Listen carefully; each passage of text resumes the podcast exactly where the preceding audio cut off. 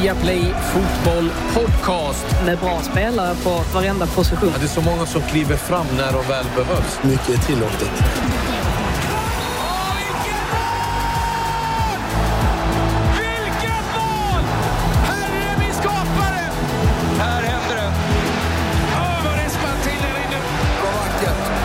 Nej, bästa dagen på året.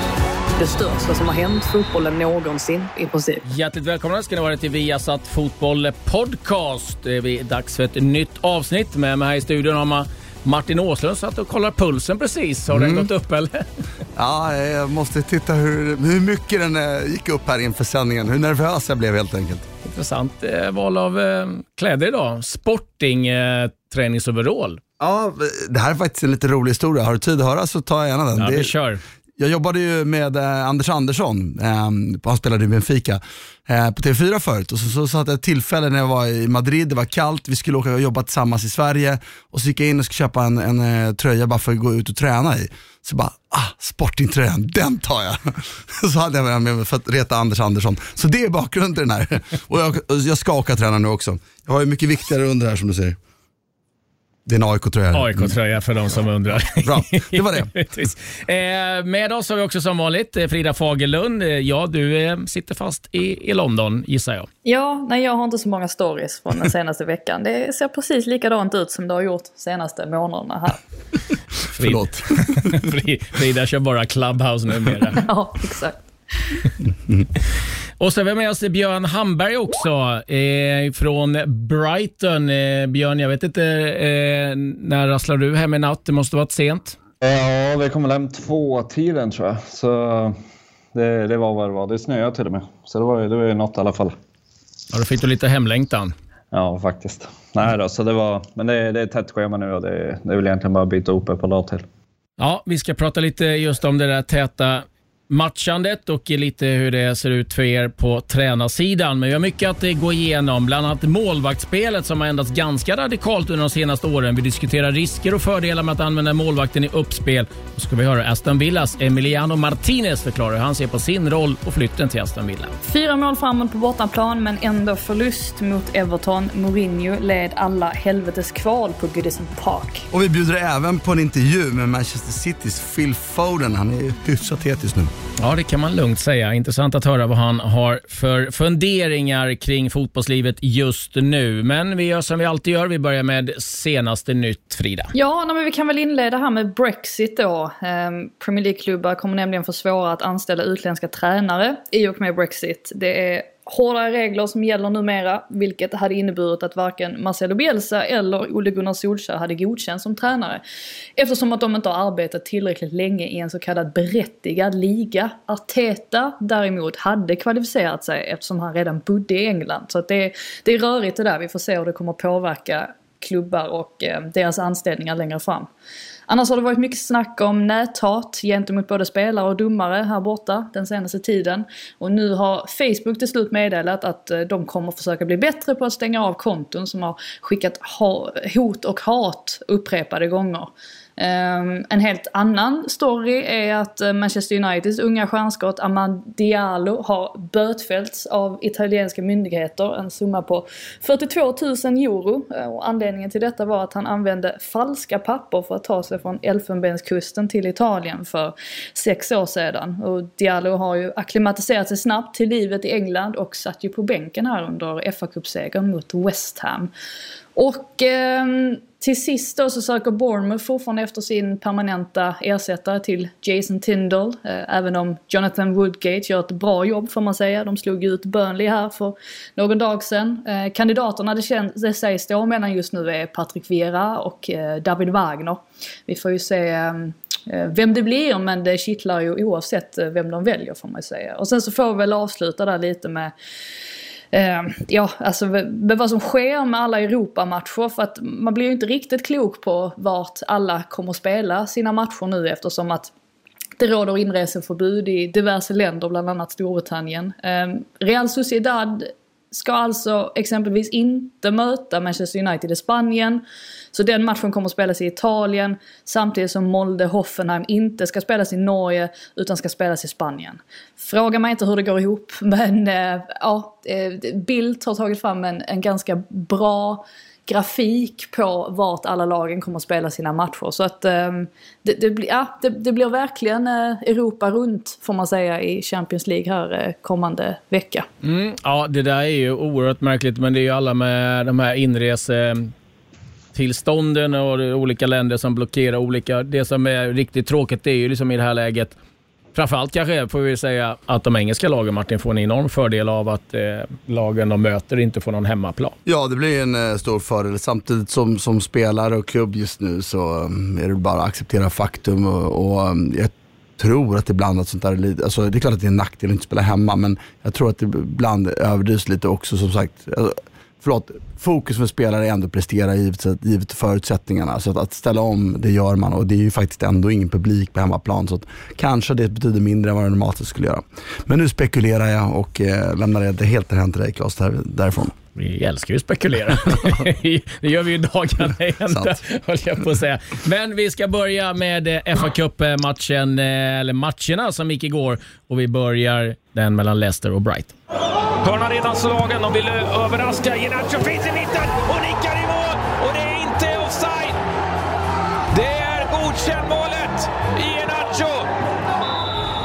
det slut. Det är det sista som hände i den här matchen. Och vilken eh, snyting för Brighton.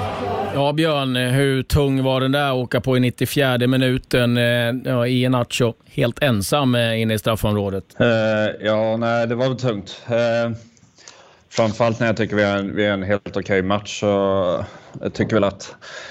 Men, uh, ska man säga? Jag kan inte säga att de förtjänar kanske att vinna matchen mer än vad vi gjorde över, över 90 minuter. Men, men, eh, men det är väl som vanligt, eh, han, han får ju stå alldeles för ren i boxen och lä, lämnar man lämnar en spelare på det sättet i boxen i 94 så, så är det svårt att klaga också. Och någonstans måste man väl ändå också tänka att faktiskt vart vi är just nu med schemat och ny match på lördag så att det inte blev, att det inte blev förlängning var väl ett litet plus i alla fall. Men, men nej då, Leicester är bra men jag tycker vi, jag tycker vi stod upp med ett relativt oprövat gäng själva. Ja, vad säger du om, det var en del eh, nya ansikten som eh, ni presenterade. Vad säger du om deras insatser? Eh, jag, tycker, jag tycker de var, gjorde jäkligt bra ifrån sig. Det är väl just det här, komma i januari när det är så pass mycket, mycket matcher och sen måste de karantäna och sen har deras liga startat eller slutade där innan, innan de kom hit också, främst polackerna. Så, så de har egentligen inte kunnat spela någon match och kunna gå in på det sätt de gör, 90 minuter var Det eh, tyckte, jag, tyckte jag var ett stort plus från vår sida. Och sen har vi fortfarande Ender Sekira och Pösetau som eh, börjar har fått spela lite mer och mer och att de får 90 minuter var var ett plus. Lalana kom tillbaka från en skada, att han fick 60-70 där var ett stort plus igen. Så det, det, den är lurig den här kuppen. Den är ju den är ju kanske inte samma status som den har förut och, och det tycker jag man ser alla lag och vårat också igår. Så Prestation nöjd, resultat sådär och sen målet vi släpper in är väl katastrof på sitt sätt men förhoppningsvis lite väckarklocka mot till helgen och Grealish. Ja, jag tänkte, li tänkte lite på det du är inne på, just det med att FA-cupens status. Jag gjorde matchen eh, Swansea-Manchester City och man reagerar ju när Swansea då eh, gör fem förändringar där man verkligen eh, nedprioriterar möjligheten att eh, ta sig vidare i FA-cupen. Är det liksom, är det matchandet i sig, Björn, som gjort att man liksom är tvungen att göra de här besluten eller är det liksom din känsla att kuppens status har sjunkit lite grann? Eh, jag tycker väl under de här åren i England så är det väl statusen har väl sjunkit och just det här med att hänga kvar i Premier League för sådana lag som oss kommer alltid liksom stå över och ta sig långt i kuppen och sen Tyvärr då, så länge Guardiola är i City så troligtvis kommer de vinna den oavsett vilka de möter och när. Och men sen, den är, den är charmig på sitt sätt med öppna lottningarna. Vi, vi i Swansea hade ju sitt där för några år sedan och var inte allt för långt ifrån att få komma till Wembley och spela, spela en semifinal. Så det, på det sättet är det plus, men samtidigt så de stora drakarna med deras trupper oftast brukar väl ändå dra längst. Oavsett om det är någon som blandar sig i ibland. Så från vårt håll är ju fortfarande prio att hänga kvar. Det, det kunde man väl kolla på vårt lag igår till exempel. Jag gissar att du grämer dig fortfarande över att Agüeros eh, avgörande i 88 minuten var offside. Eh, faktiskt så blev jag påmind igår när jag satt och kollade studion i den här matchen. eh, Frida, vad säger du? Vad är din eh, generella känsla kring eh, liksom FA-cupen? Att den börjar bli mer och mer nedprioriterad? Ja, alltså det var ju dels mycket diskussioner inför säsongen såklart om man ens skulle fullfölja kupperna med tanke på ja, att det blev som det blev med, med pandemin och sådär. Så att det är väl antagligen det som är anledningen till att, um, ja, att man kanske roterar extra mycket nu just för att spelschemat har ju blivit betydligt tajtare än vad det var tänkt från början. Ehm, sen samtidigt så, alltså jag kan inte komma ifrån att jag älskar FA-cupen och att, eh, nej men särskilt egentligen den, den tredje rundan är ju helt fantastisk när eh, man har chansen att få se lag från eh, divisioner riktigt långt ner i seriesystemet. Som exempelvis när Marine mötte Tottenham, fick chansen att göra det och vi har ju sett um, andra lag också eh, imponera den här säsongen. Inte, inte jättemånga skrällar men bara det här att eh, man får se de här lagen och, och förhoppningsvis då eh, se en, en skräll. Jag tycker att det ger så mycket till fotbollen och extra mycket den här säsongen också eftersom att Alltså en del med glädjen kring fotbollen tycker jag har försvunnit just eftersom att läktarna har varit tomma. Ehm, det har blivit väldigt mycket fokus på alltså själva spelet på planen och inte så mycket annat alltså runt omkring. Så därför tycker jag att det har gett mycket den här säsongen eh, trots allt. Eh, och att man väl borde ta det på allvar just eh, av den anledningen. Sen har jag full förståelse för att storklubbarna, de kan ju rotera matcher och, och vinna ändå så att säga. Jag står lite på andra sidan där mot dig Frida. Eh, just det här att tredje omgången, förr så tyckte jag att det fanns en charm i det, att man kunde liksom se en skräll. Idag är de andra trupperna de är så pass bra så att det blir sällan den skrällen. Även om ett Premier League-lag roterar tio man så är det ändå landslagsspelare som kommer in och gör processen ganska eh, eh, kort. Hur, hur, ser du på det Martin? Alltså FA-cupen eh, som helhet, alltså det är fullt rationellt att göra som Brighton och, och gjorde sist och det är fullt rationellt att lag också på då nivån, nivån, nivåerna under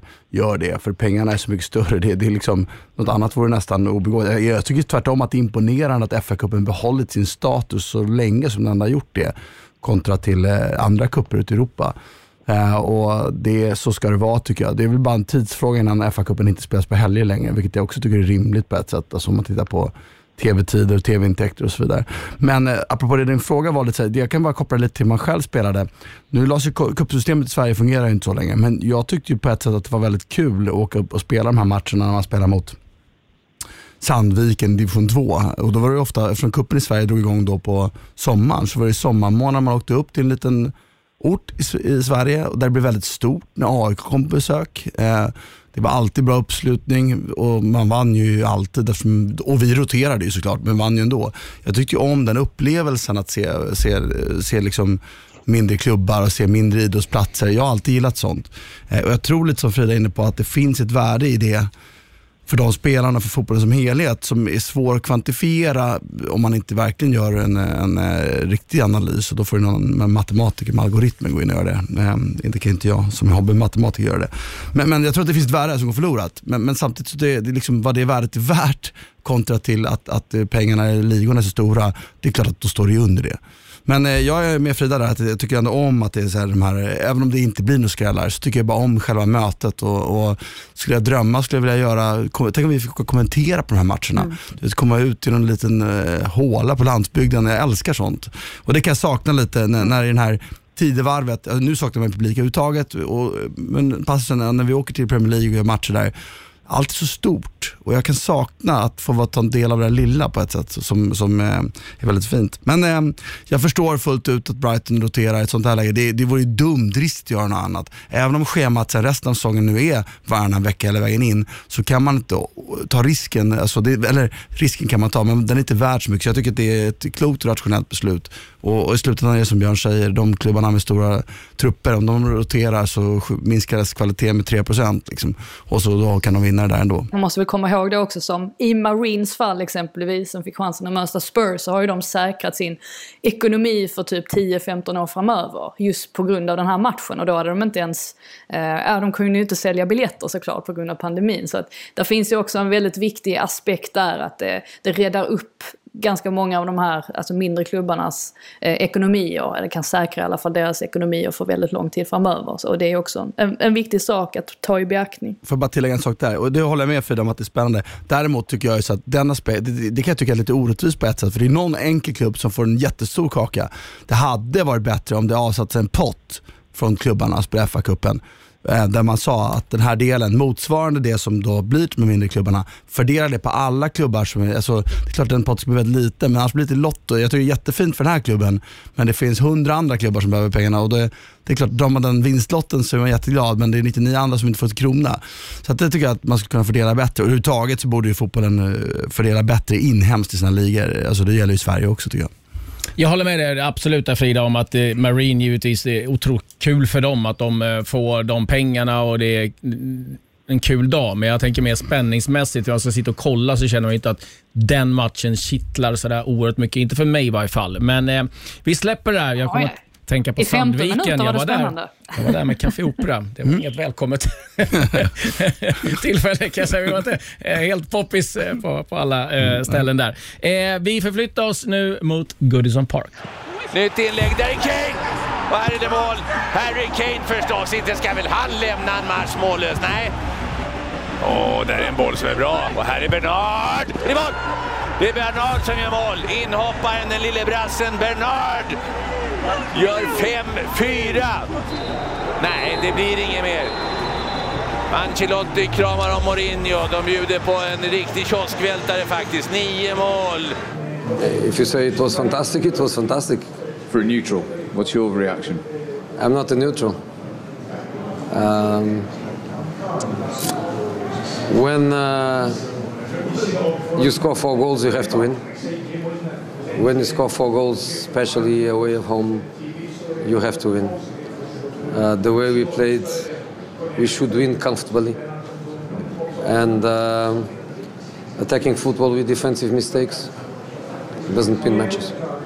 Summerar väl José Mourinho ganska bra där. Björn, jag vet inte om du hann se någonting av matchen, men nio mål och eh, en riktig holmgång. Eh, kan du förstå hur Mourinho känner? Fyra mål på bortaplan och ändå åka hem utslagna. Kunde se förlängningen faktiskt i bussen igår kväll. Men, men det, det är väl typiskt Mourinho också. Gör man fyra mål bortaplan så, så bör man vinna. Men släpper man in fem så eh, är det väl lite svårare tror jag. Eh, en, en intressant match tycker jag. Jag tycker här också är lite grann FA-cupen just här med...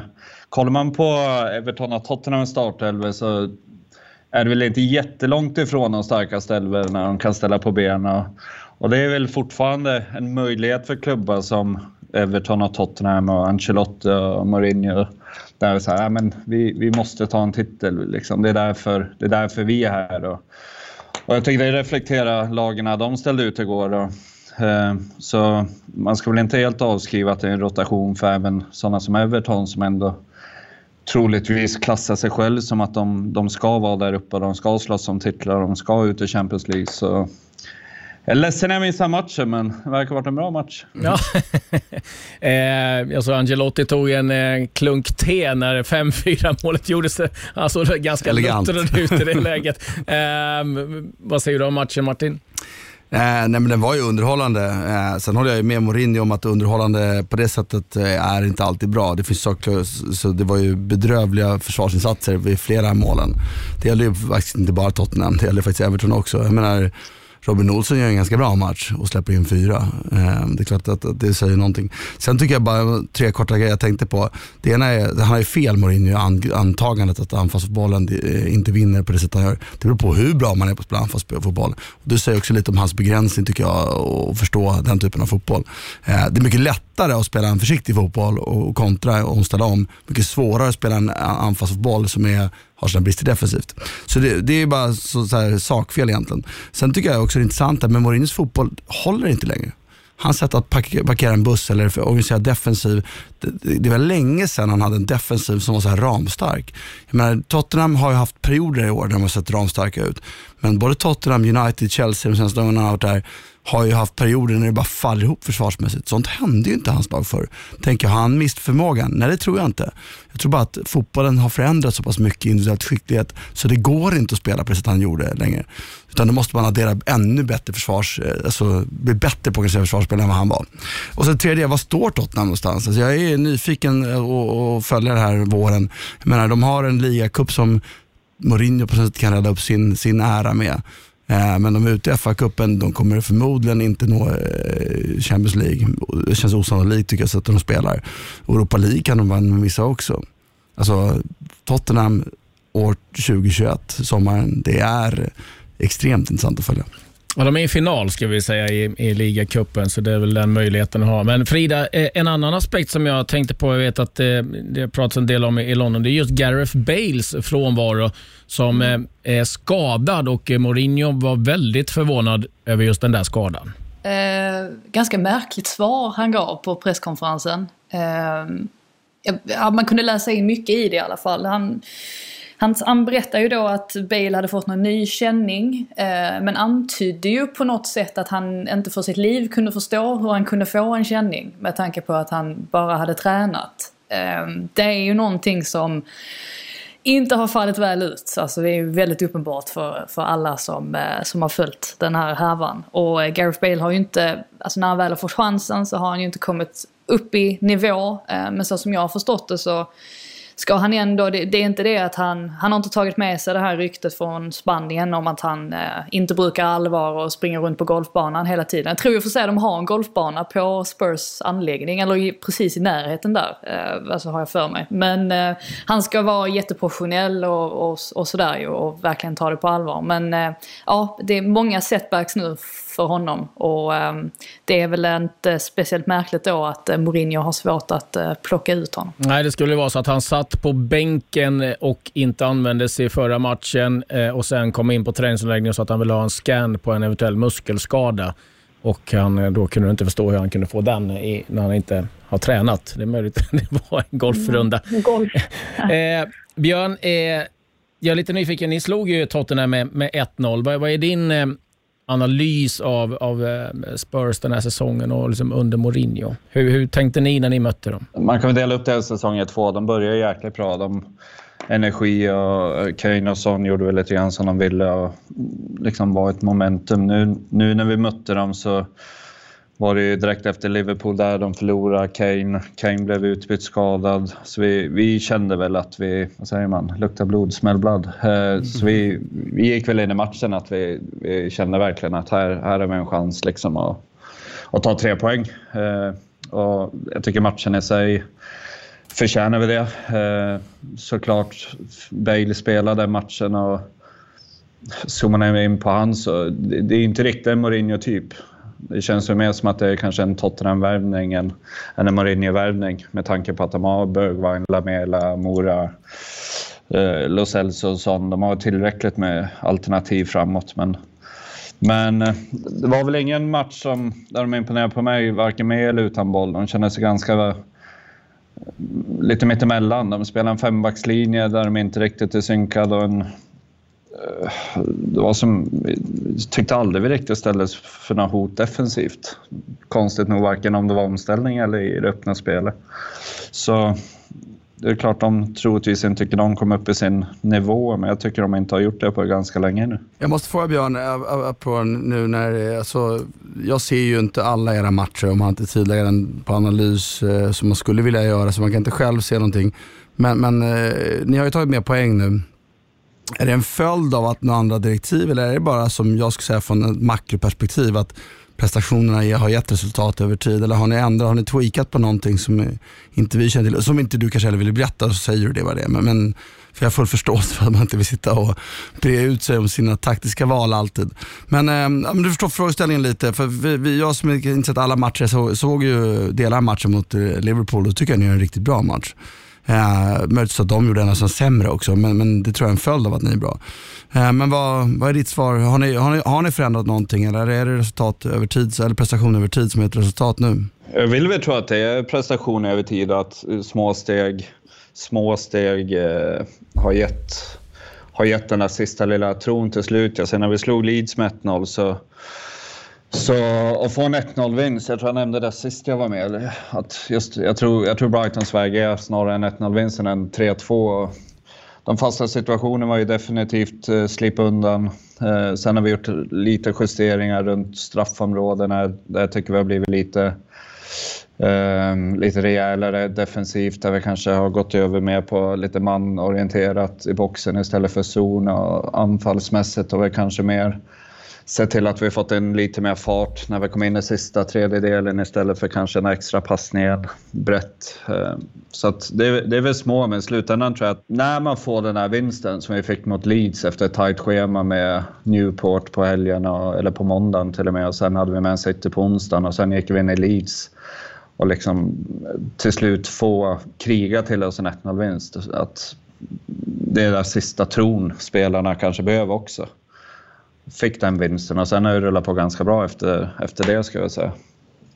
Får man fråga bara eh, hur man får in fart? Är det spelarval ni menar eller har ni spelat, sagt, tryckt på någonting att ni ska spela snabbare bakom eller snabbare framåt eller eh, vad, vad syftar du på där? Ja, vad, vi, vad vi främst tryck på, alltså det är svårt att säga åt dem att springa snabbare men, men kanske mer att har vi ett läge att ta bollen mot mål så, så måste vi utnyttja de chanserna där inte motståndarna är balanserade. Så mindre eh. possession och mer, mer, eh, mer, mer beslutsamhet framåt, är det det du pratar om? Exakt, mer besluta framåt mm. och sen ändå om, om vi inte tar möjligheten så åtminstone är vi närmre mål där vi kanske väljer att nej men nu boll över den. Men vi hade väl perioder där vi vinner boll och kanske första passen är bakåt för att få kontrollen medan nu tycker jag vi har vad ska man säga, vi, vi går först mot mål och försöker komma så långt vi kan och kan vi inte därifrån så kan vi börja jobba bakåt. Och det, det, det är väl lite kopplat till Leeds, Tottenham, Liverpool också har vi väl kanske legat lite mer på ett omställningsspel och lite mer ett duellspel för att kunna vad säger man, få fram de här omställningsmöjligheterna. Ska ni behålla det sättet då mot Aston Villa också? Aston Villa är ju ett possession-orienterat lag också, men inte samma kvalitet som de du just nämnde. Nej, utan vi, vi kommer väl försöka bygga på det vi har gjort bra nu. Och det är väl det jag säger. Liksom. Får man en vinst och, man, och det rullar på efter det här, det är svårt att börja kanske kladda för mycket med nya idéer. Utan vi, vi går in i den här matchen nu med egentligen in, vinna den här matchen och sen har vi lite perioder vi får nio dagar till Crystal Palace där vi kan börja trycka kanske på lite mer utveckling igen. Jag tänker ni, ni släpper ju till betydligt färre chanser, eller det är i alla fall känslan när man har sett de senaste matcherna. Men hur mycket har eh, Bobby Sanchez också inverkat på det? För det var ju ändå Um, ja men det här liksom att man valde bort Matt Ryan för, för uh, Sanchez. Det, det verkar ha fallit väldigt väl ut menar jag. Hur stort inflytande har han haft på, på er? Er senaste tid här? Han har absolut spelat sin roll. Jag tror han har hållit nollan fem gånger. Han har, han, de gånger bollen har behövt räddas har han räddat den. Sen som du säger, vi har, vi har inte släppt till jättemycket lägen. Men eh, sen bidrar han ju det mycket med sitt luftspel också, sina fasta och slår man ett inlägg så kanske man måste hålla sig lite längre ut från, från målet när man slår dem för att han, för att han har så pass bra räckvidd. Och, så han har absolut spelat sin roll och han gjort det jättebra för oss verkligen. Mm, vi är inne på målvakter och eh, spelsätt och det är väl dags att eh, ta oss vidare mot eh, just den lilla detaljen. Sparkas snett. Vad har hänt med Alisson? Vad har hänt med Alisson? Vad har hänt med Alisson? Det är mål, det är Gündogan och det är Alisson som ställer till ett par gånger om målvakten. Ja, men vad gör karln? Vad gör han? Vad gör han? Vad gör han? Det är 3 Alisson har gett bort två mål här. Ja, ingen rolig dag på jobbet för Alisson, eh, Liverpool-målvakten eh, mot eh, Manchester City och det har varit en eh, het potatis, eller en diskussion under ganska lång tid skulle jag ändå säga. Kanske framförallt i England där man eh, det gamla gardet, ska jag säga. Så jag tycker att det är oförklarligt varför man ska ta sådana risker med att använda målvakten.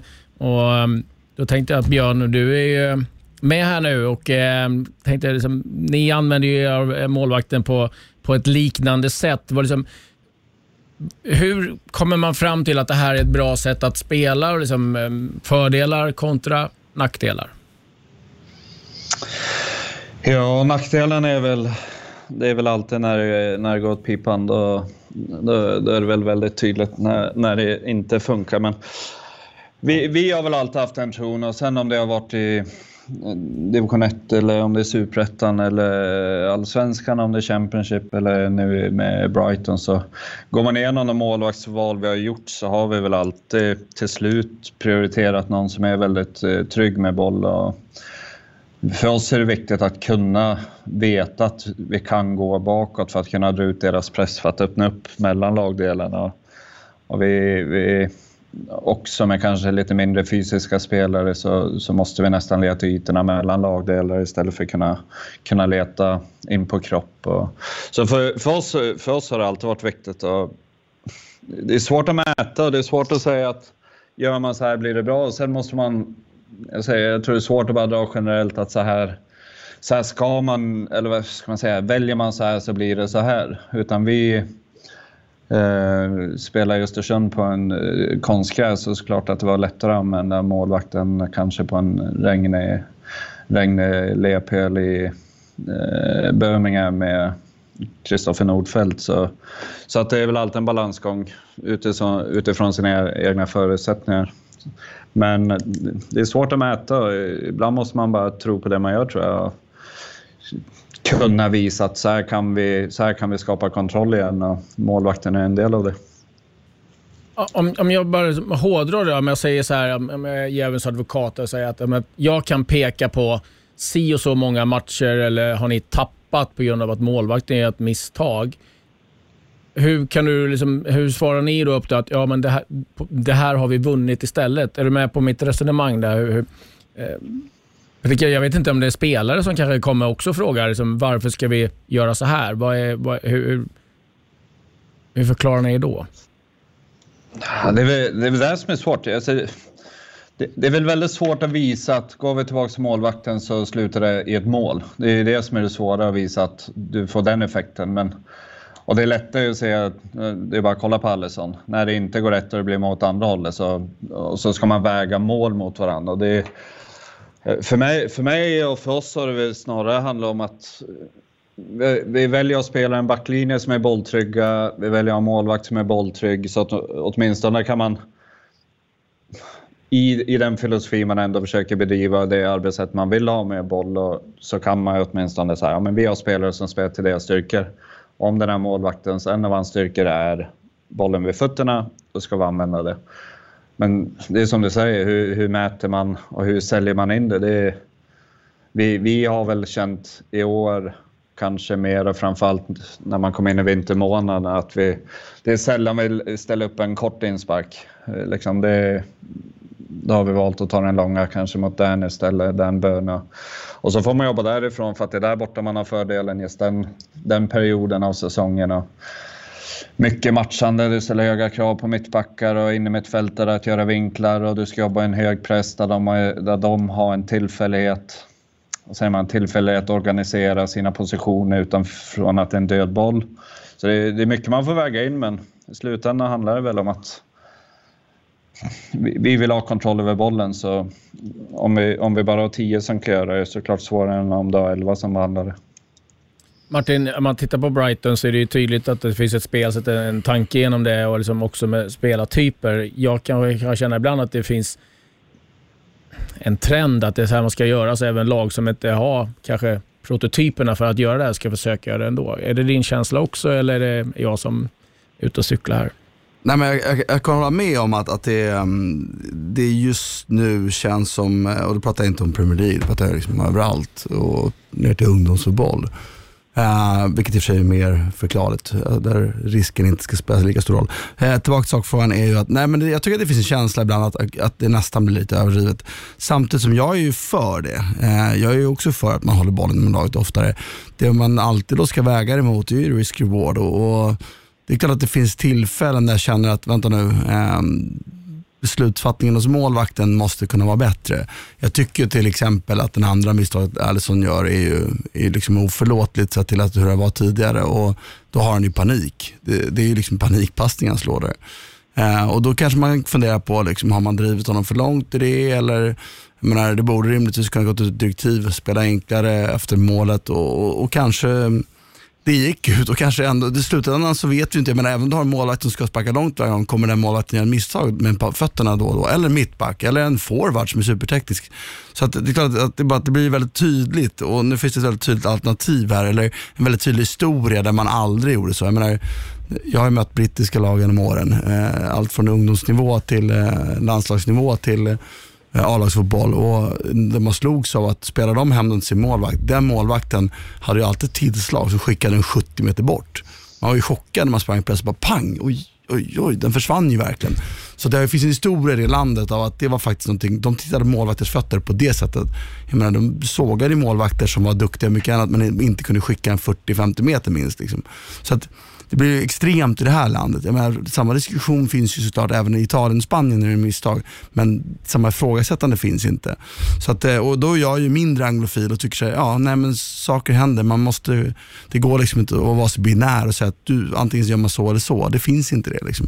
Och då måste man välja en väg, precis som man gör på plan. Du måste våga slå bort bollen på mittfältet för att vinna saker. Det finns inte någon absolut sanning när man gör och inte gör det. Det går liksom inte. Det är människor som gör det, det är motståndare som stör en, situationen runt omkring som påverkar. Så att jag fäster nog mindre vikt vid det. Men jag kan också hålla med dig om din startfråga där. Att det finns ju, ibland känner jag nu en trend att liksom, den, att frågan inte ens tänks, kan man skicka bollen?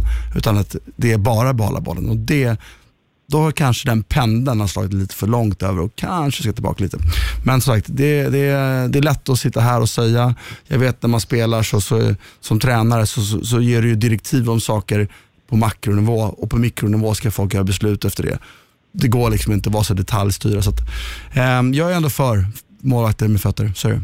Jag ska säga att när du på din tid också, då var det gyttjåkar, så då spelade man inte ut på eget straffområde. Jag faktiskt spelat på Ellen Road när jag var typ så 20 år, någon landskamp, eller 19 kanske var. Jag blev, det var ju bara jord, men den var, den var slät. Det, var, det gick absolut det var packat jord. Det var packat jord. Mm. ja, de behöver nytt packat jord på Ellen Road, för den planen är bedrövlig, mm. även om de har lagt en eh, ny. Eh, Frida, eh, jag gissar att du satt och kollade på sändningarna efter den här matchen, eh, Liverpool-Manchester City. Hur gick snacket kring Allison där? Eh, ja, nej, men, eh, alla tabloider plockade ju rubriken Allison Blunderland eh, såklart. Eh, för att det, det, var ju ändå så pass avgörande sett till att det var omöjligt för Liverpool att ta sig in i matchen eh, efter det där. Sen har det väl också gått lite rykten om varför exakt det här hände. Eh, ryktades om att han hade kolliderat eh, på någon träning och att det möjligtvis kunde inverka men jag har, inte, jag har inte sett något konkret om det så jag kan inte riktigt uttala mig. Däremot så har jag jag har också tänkt mycket på det här med målvakter på sistone. Ehm, bland annat då på Nick Pope och ehm, det här med att han utmanar Jordan Pickford i engelska landslaget. Frågan är om, om ehm, just det här med att han spelar i, i Burnley. Eh, jag tror inte att det påverkar så mycket att Nick Pope inte är första val hos Southgate just nu. Men däremot så sättet Burnley spelar på. Jag tror inte att det gynnar Pope i, i den konkurrensen. Alltså eftersom att han, med Pickford då, eftersom att han aldrig får chansen att visa hur, hur bra han är på att distribuera bollen med fötterna. Något som är ju Pickfords kanske främsta kvalitet då. Eh, så där kan man ju prata om att det, det kanske är till Nick Popes nackdel att han spelar i ett lag som, som eh, spelar i ett sånt system där han inte får använda fötterna speciellt mycket. Och det säger ju kanske något om också då om hur högt det ändå värderas här borta i, i England. Björn, jag måste få fråga. Eh, när du, Martin var inne på det just med eh, som man management och, och, ni sätter direktiv. och Så här. Hur mycket spelrum ger ni spelarna att ta egna beslut? Liksom när ni säger så här, vi ska spela upp bakifrån att att ibland om någon som ja, väljer att nu, nu skickar jag iväg den här. Eh, hur ser ni på sådana saker? Vill ni att man gör det liksom, ska säga absurdum eller säger ni också att liksom, vissa saker måste ni lösa själva? Vi brukar väl säga att de måste lösa allt själv på planen. Eh, det vi kan göra är att ge någon sorts ram och lite, eh, vad säger man, ord vi använder, men team intentions, liksom att lite principer. Och, men i slutändan är det deras beslut. Så, så från våra perspektiv försöker vi väl alltid sätta en organisation. Vill vi spela kort i de här positionerna, de här ytorna vi letar efter. Vill vi spela lång så är det den här ytan vi letar efter och så jobbar vi därifrån. Men sen just, det är ingen fundamentalism vi håller på med. Vi försöker väl alltid känna att spelaren, spelaren känner att den gör si eller gör den så, så åtminstone så vet den vart, så att laget kan formeras efter det och det finns inget rätt eller fel. Och det, det, är väl, det, det, är väl en konstant del av processen liksom, i det öppna spelet. Att en spelare ska inte tänka när den spelar fotboll i princip, den ska, den ska göra. Och det, det, är väl, det är väl det fina med att man tränar på grejer. Men i slutändan så måste de, de måste känna att beslutet är deras. Alltså vi, vi, vi har aldrig satt några krav på att man måste spela kort. Men är det den fria ytan och det är där vi har ett numerärt överläge så är det såklart den vi ska leta efter oavsett vart den är. Mm, intressant. Nu är det dags att höra en annan målvakt och ska ge sin syn på målvaktsspelet och det är Aston Villas Emiliano Martinez. goalkeeping is not as easy as it looks. When you play and when you do well, oh yeah, the, the praise is really good, media. But when you're not playing or when you, you hit the ground so many times and you have to, you always train harder than everybody else.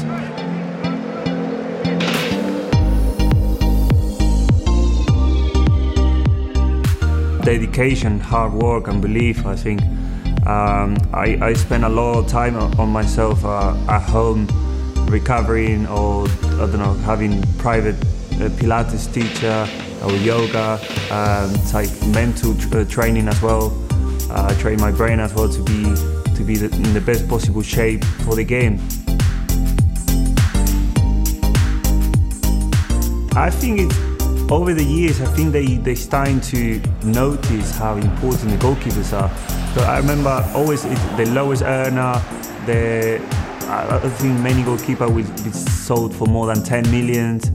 And and last few years, I think because of uh, Kepa or Allison, they starting to value the goalkeepers more than before, and that's that's been probably why the, the stats are more in goalkeeping. It's all about stats now, clean sheets, saves, or more high claims in the league. And I, I think now there's time to understand how important the goalkeeper is for a team.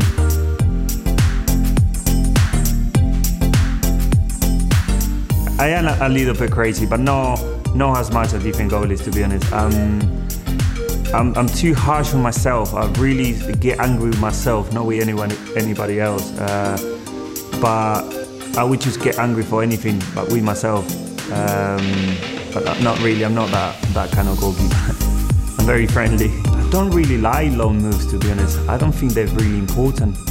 Um, but when you're in a big club, you have no games, and under 21 level is is too low.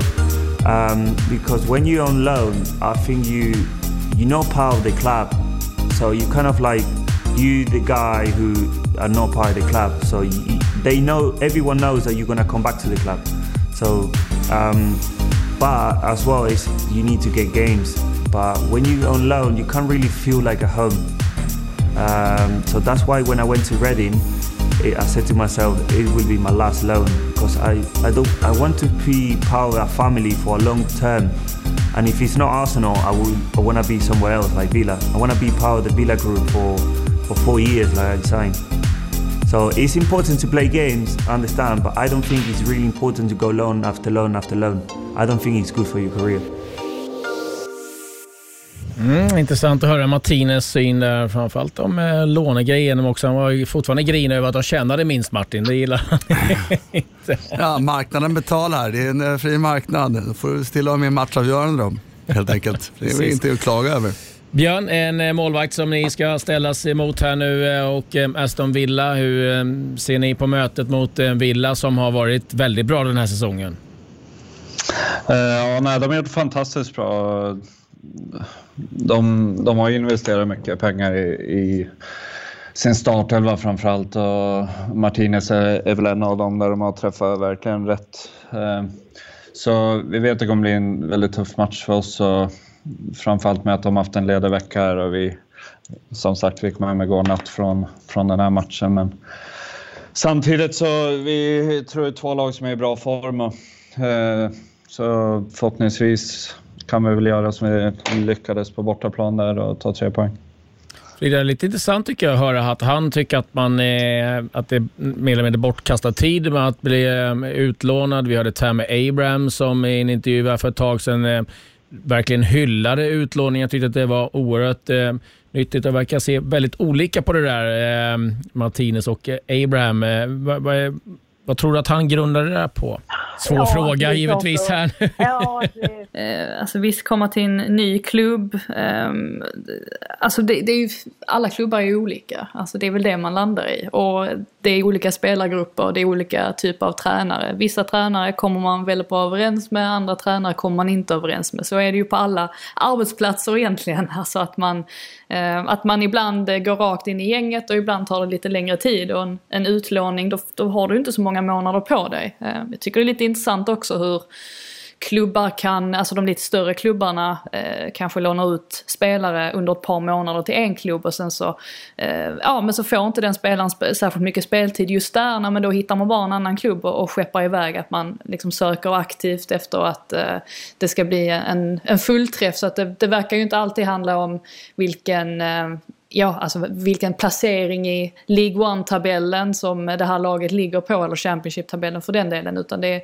det är mycket andra aspekter som, som spelar in. Därav kan jag tänka att många klubbar nu börjar göra som Manchester City, att man köper upp småklubbar runt om i olika länder som då ska ha samma tankesätt och eh, kunna låna ut spelarna till de klubbarna. Vi släpper Martinez och eh, målvakt ett tag. Nu eh, lägger vi fokus på tipshörnan.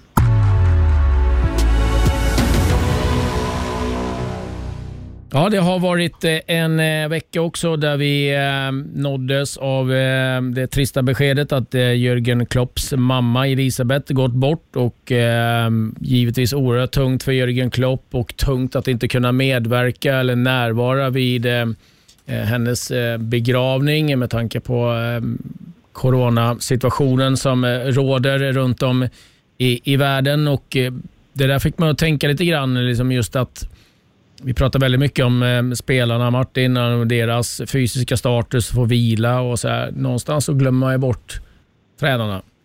Det är ett ständigt matchande, men eh, om det är FA-cupen, ligacupen eller om det är en Premier League-match, det spelar ju egentligen ingen roll. Du måste ändå vara fokuserad. Glömmer vi bort tränarna i det här? Um, generellt sett så är det nog så. Jag kan ju för egen personlig del säga att eh, så är det absolut inte och jag tror många spelare är rätt på det klara med att tränarens jobb är evigt, evigt är fel ord, eh, oändligt är rätt ord. Alltså det går att ta aldrig slut att tänka på möjligheter. Du kan alltid eh, förbereda någonting mer.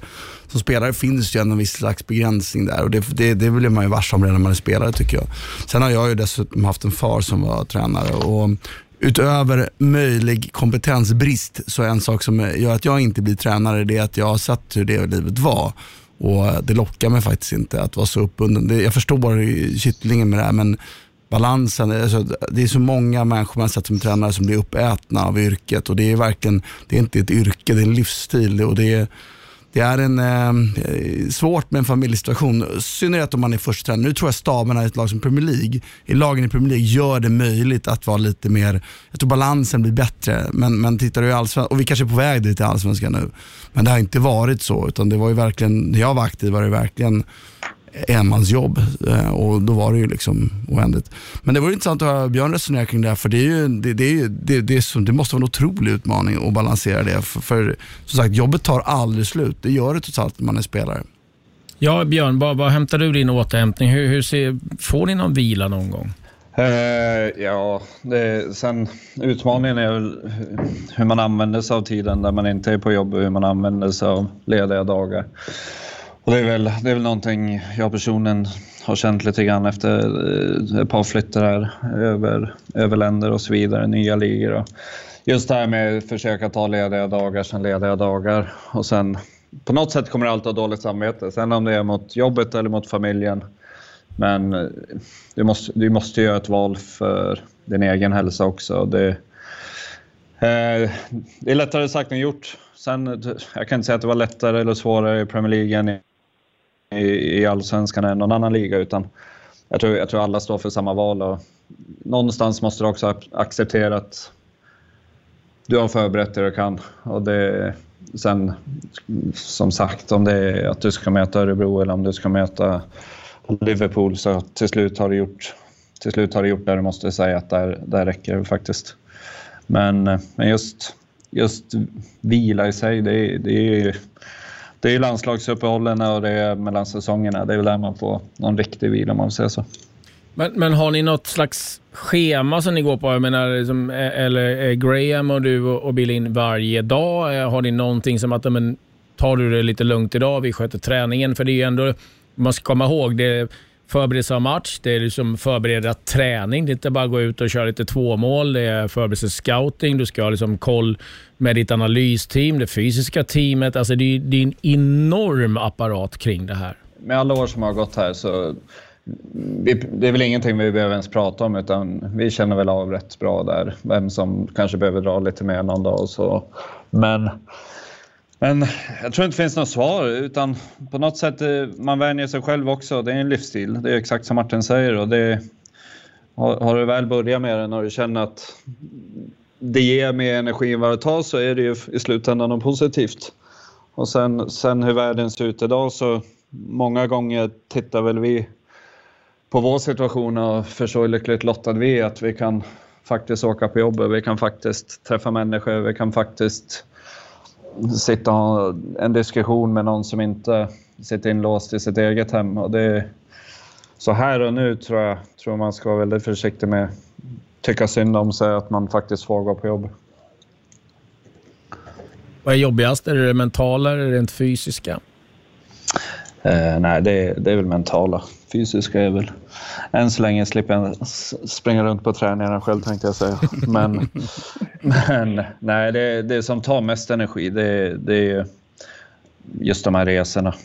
Alltså, igår är ett bra exempel när man åker, man åker tidigt på morgonen när man kommer hem mitt i natten och sen ska man upp och sen ska man liksom vidare nästa dag och börja planera Aston Villa och det är väl, det är väl just det där resandet. Men det var värre i Östersund. Det var ju tre dagars matcher så fort man skulle längre än Sundsvall. Så livet har blivit enklare nu i alla fall?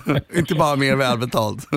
nej, det, det, är en halvtimme till Gatwick. Så det, nej, men det, man, man får alltid sitta och väga fram och tillbaka. Så jag säger, vi, vi har det bra här och vi, eh, man måste stötta varandra, man måste förstå varandra lika mycket som man själv känner att man måste ge och ta. Eh, ansvar i omgångar. Jag tror att det är väldigt viktigt, eh, det som Björn beskriver, är ju att man har precis den här känslan av att, att, att jag har gjort ungefär vad jag kan förväntas göra. Alltså, fel uttryckt. Egentligen, alltså, det är risk att man, all, man kan ju alltid göra mer. Du kan alltid tänka, du kan alltid titta på några klipp till, du kan alltid hitta någon brist till hos motståndaren, du kan alltid hitta någonting till du kan ge direktiv till. Eh, dels är det viktigt för spelarna, för att, är det någonting jag vet också som spelare är ju att de flesta spelare kan de är inte mottagliga för så mycket, så det måste vara ganska sakligt och kort och koncist det man, man ger till spelarinformationen. Men ändå så tänker man ändå som ledare att man alltid kan göra lite till. Då är det väldigt viktigt att ändå hitta en, en balansgång till det här som Björn sa, att ja, jag har gjort vad jag kan ungefär nu. Alltså, man kan alltid göra mer men hitta en annan nivå där. Eh, för det är också min erfarenhet att de tränare som det gick, har gått sämst för som människor, alltså, det, menar jag, det låter ju hemskt, men, men som hade det tuffast, det var de här som hade det här kontrollbehovet, som inte kunde släppa. Mm. Eh, och det smittar av sig negativt på gruppen också efter ett tag. Alltså, de här som man inte kan släppa, de innepetar allt och då äter det ju upp en. Och det, det, den balansen är viktig. Men sen är det också familjesituationen, eh, den är ju tuff. Eh, jag är nyfiken på, vi skulle samma svar från din fru Björn, eller din respektive ska jag säga, du, du är gift. Som du gav oss om att jag hittade en bra balans där. Jag vet inte. Nej, jodå, sen är väl lockdownen, har väl, lockdownen nyfödd hemma har väl ställt andra utmaningar kanske än, än en vanlig vardag. Men eh, nej då, utan det, det är klart det är ett samspel där också.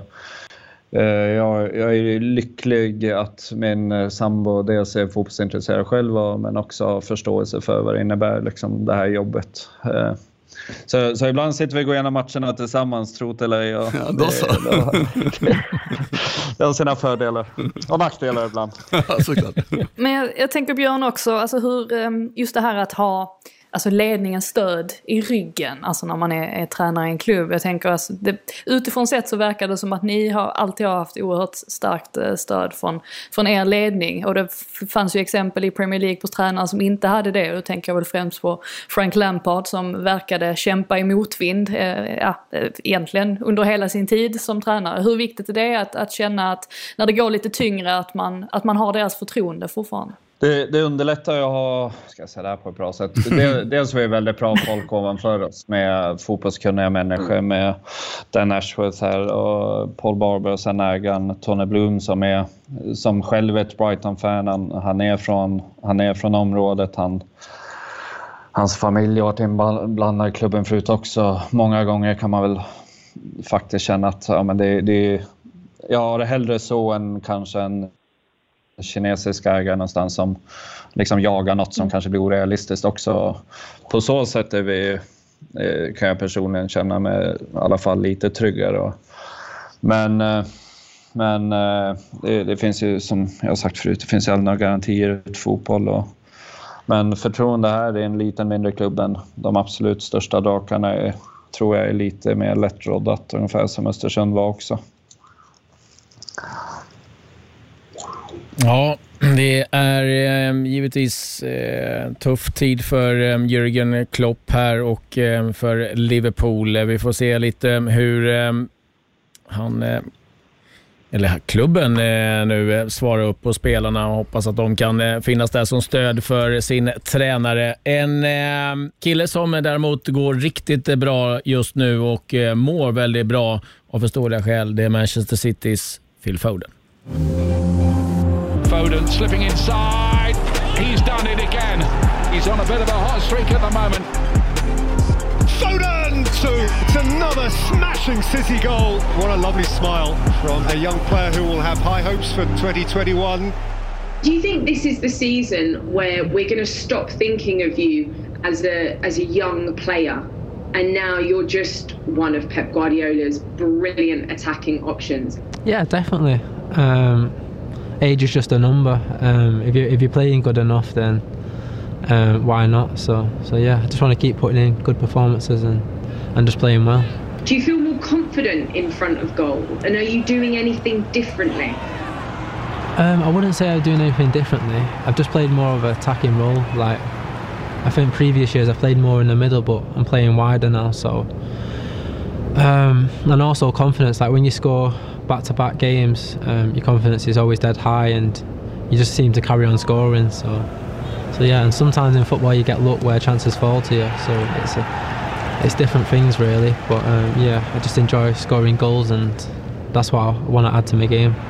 Has Pep Guardiola set you any targets this season, or have you set yourself any targets? Um, no, I don't think the manager likes to set targets. He don't want to put like pressure on you. He just says play, play how you play and play your football. But for me, I always try and have targets. It just makes me better. So like, I just want to improve from last season. Like you said, I've already scored more goals. So I was looking at that, and this season I really wanted to score more goals than last season. So I'm going in the right direction. But you know, I just want to keep adding to that now and see how many I can get. City are flying high. Where do you think this form has come from this season? Um, just being patient. I think at the start we went on a little dip and everyone wrote us off for saying we wouldn't win the league and that we've dropped too many points and now we're at the top. It just shows how quickly things can change. I just, I think it was just confidence and believing in ourselves that we could come back from from a fall. So yeah, everyone had belief and, and stuck together and, and yeah, we've overcome it now. Ja, Björn. Han eh, var du inte så glad på gissar jag när han gjorde matchens enda mål mot er. Vad, vad imponeras du av, eh, av honom som spelare? Uh, nej, jag skulle väl inte sätta honom jättelångt ifrån att vara en komplett spelare i mina ögon. Han, han, han har det mesta. Han, han, han spelar balans, han spelar på små ytor och hans beslut i de här små ytorna. Liksom när han ska behålla bollen, när han ska gå framåt, han kan driva, han kan skjuta, han kan dribbla. Ibland sitter man och tittar på de här spelarna och tänker att det ser lite lättare ut för er än för oss. Eh, men eh, nej, jag är så otroligt imponerad av eh, Foden. Jag tror det har varit bra för honom att ha fått tag i sin tid och och så tror jag, jag tror faktiskt Pep har varit ganska smart i sättet. För han, han, det blev ju nästan som att han skulle bli David Silvas arvtagare. Jag, jag tror det är en risk om att han slänger in han på en gång och det är verkligen säger nu ska du, nu ska du ta över. Så kan det nästan falla en orimlig press på en fortfarande en ung spelare. Så det, sättet han liksom har växt över de här åren jag tycker jag är fruktansvärt imponerande. Det är svår, svårt att hitta ord, men eh, han gjorde ju till och med mål med höger mot oss så, så eh, han kan väl göra det mesta. Han har ett mål på baksidan där han bor, så han kan träna lite extra när han inte är på träningsanläggningen. Eh, Martin, vad, vad tycker du att Foden har liksom utvecklat eh, sista året? Jag tycker han eh, håller en högre nivå eh, i sina aktioner oftare. Ehm, och så är, tycker jag hittat sin roll i laget och det beror säkert lite på att det tar tid att växa in. Och det ska man också klart för sig att det, det är få spelare i hans ålder som går in i ett så pass bra lag och spelar. Så det, folk glömmer ibland bort det där för att någon spelar väldigt bra i, i ett annat lag eller mindre lag eller i landslag och sådär. så ska de in i liksom, de här bästa klubblagen med de bästa individuella spelarna. Det är inte säkert att du får utnyttja dina bra kvaliteter för det finns andra som är bra på delar av dem och, eller kanske på alla dina kvaliteter. Och, som sagt, och, det tar väl tid då att hitta sin roll lite. Det ena och det andra är att han har fått mm, liksom, utvecklas och jobba med. Jag är rätt säker på att Pep Guardiola är rätt duktig på, på att ge instruktioner så det handlar bara om att ta åt sig. Jag tycker han var stenhård mot honom efter matchen när han sa att verkligen ifrågasatte ändå. Han har mycket kvar att lära taktiskt var ju det Guardiola sa. Hans position i första halvlek eh, var fel liksom, mot vad jag pratade om. Eh, så här, taktiskt har han en del kvar. Så. Men jag tycker han är en, jag håller med Björn, det är ju en väldigt komplett fotbollsspelare. och från det att vi såg när han slog igenom, här, eh, slog igenom när han visade sin talang, så första gången jag såg den, när U17 var det väl, så har man ju ändå väntat på att han ska ta nästa steg, och, eller det sista steget. Eller inte ens det han vill ta, men ta det stora steget och det känns som att han har gjort nu. Så, och det är förhoppningsvis inte det sista steget utan han kan fortsätta utvecklas, kanske bli en av de bästa i världen. Och det vore väl roligt om England hade en spelare någon gång som kunde utmana de titlarna. Det, det kan jag inte minnas om det någonsin har varit. Ja, Southgate, Frida, måste sitta och gnugga händerna. Det är Foden, det är Sancho, han har Grealish, han har Madison. Det finns en uppsjö av eh, lirare att eh, välja mellan. Och Det jag tycker är lite intressant med Foden och liksom engelsk press, det var ju, vi hade ju hans, eh, ska vi säga, fadäs, vi är hygglig, mot, i, i Island. Mm. Eh, men det känns som att det där har man glömt bort nu och liksom fokar egentligen på det som han ska fokuseras på hans spel på plan. Ja, alltså de har ju fått sitt, sitt straff, både Foden och, och Greenwood, så att någonstans får man väl lägga det bakom sig också och, och eh, gå vidare. Eh, ja, det är frågan hur Southgate ska få in alla de här spelarna. Folk är ju livrädda här borta också från att det till slut kommer bli något lite blekare eh, val. Men eh, man vill ju såklart hitta en startuppställning med både Grealish, Foden, Kane, eh, vi har Jadon Sancho, Sterling det, det råder ingen brist på eh, offensiva spelare. Bamford, eh, Ings. ja, det, är, precis. det är nya eh, spelare varje dag. Mm.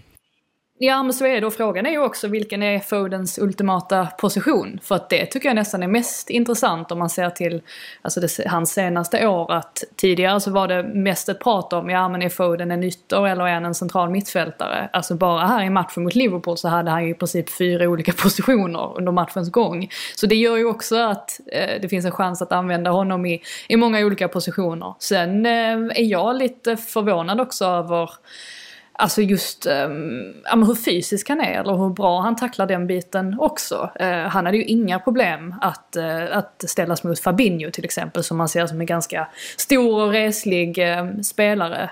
Um, så att uh, nej, han tar ju onekligen kliv och så som han spelar nu så här så tycker man ju definitivt att han borde gå rakt in i en startelva rent av. Alltså för England i, i sommar. Alltså så, så pass bra har han varit. Med reservation då för att det finns många att uh, ta av eh, i spelar, Foden, Sterling, Kane. Det är väl de tre som ligger etta nu va? Och starta. Men vad ska du sätta in Grealish då? Sarko vill de ha in, Grealish. Um... Sancho tycker jag är för lite...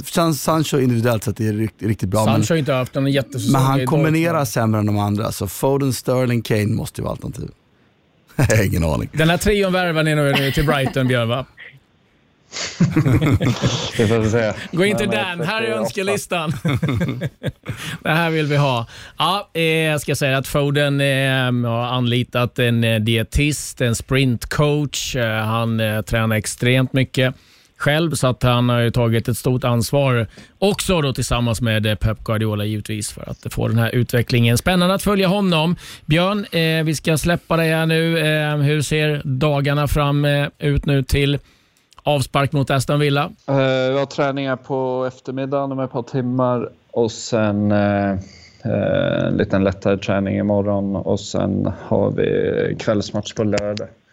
Jag tror vi spelar åtta kanske. Eh, Samlas det är väl ni- egentligen bara återhämtning. Samlas ni på fredag kväll då och sover matchen innan? Dagen innan match? Nej, som tur är har vi väl inte... Jag vet vissa klubbar gör det i Premier League. Och sen nu tror jag restriktionerna här med vart man drar gränsen för nödvändigt och inte nödvändigt för att göra en sån grej.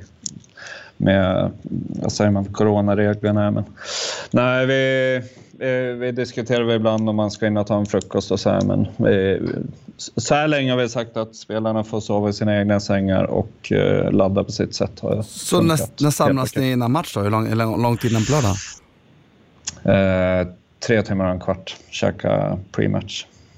Och äter ni pre-match meal då? För det kan inte vara så tungt då, när det är väldigt, väldigt lätt då eller? Ja, eh, och så gör vi det på stadion. Och sen eh, hänger man på stadion i ett rum där fram till matchen. Gillar spelarna det att vara där så långt innan? Eh, det skiter du i. Det, det är nog...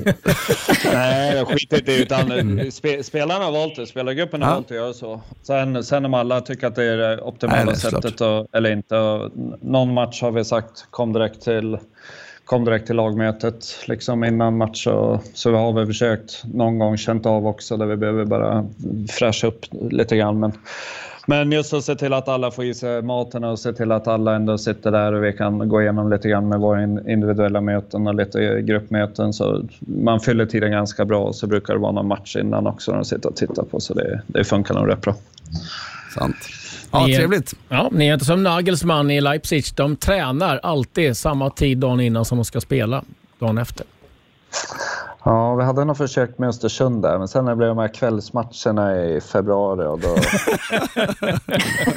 Då var det jag kan kallt. förstå att Östersund att man kanske skiter i just den. Bara, mm, nio, vad härligt att träna. 30 minusgrader.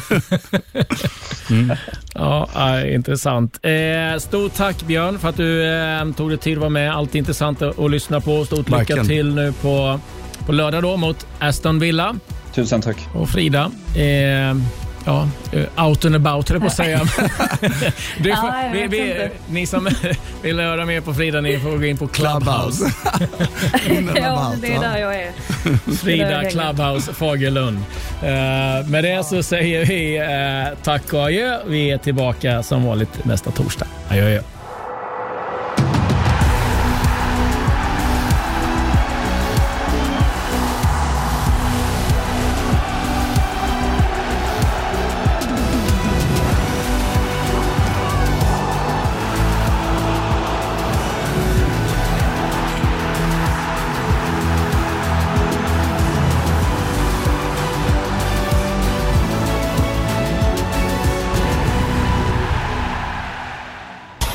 Produceras av I Like Radio. I like radio.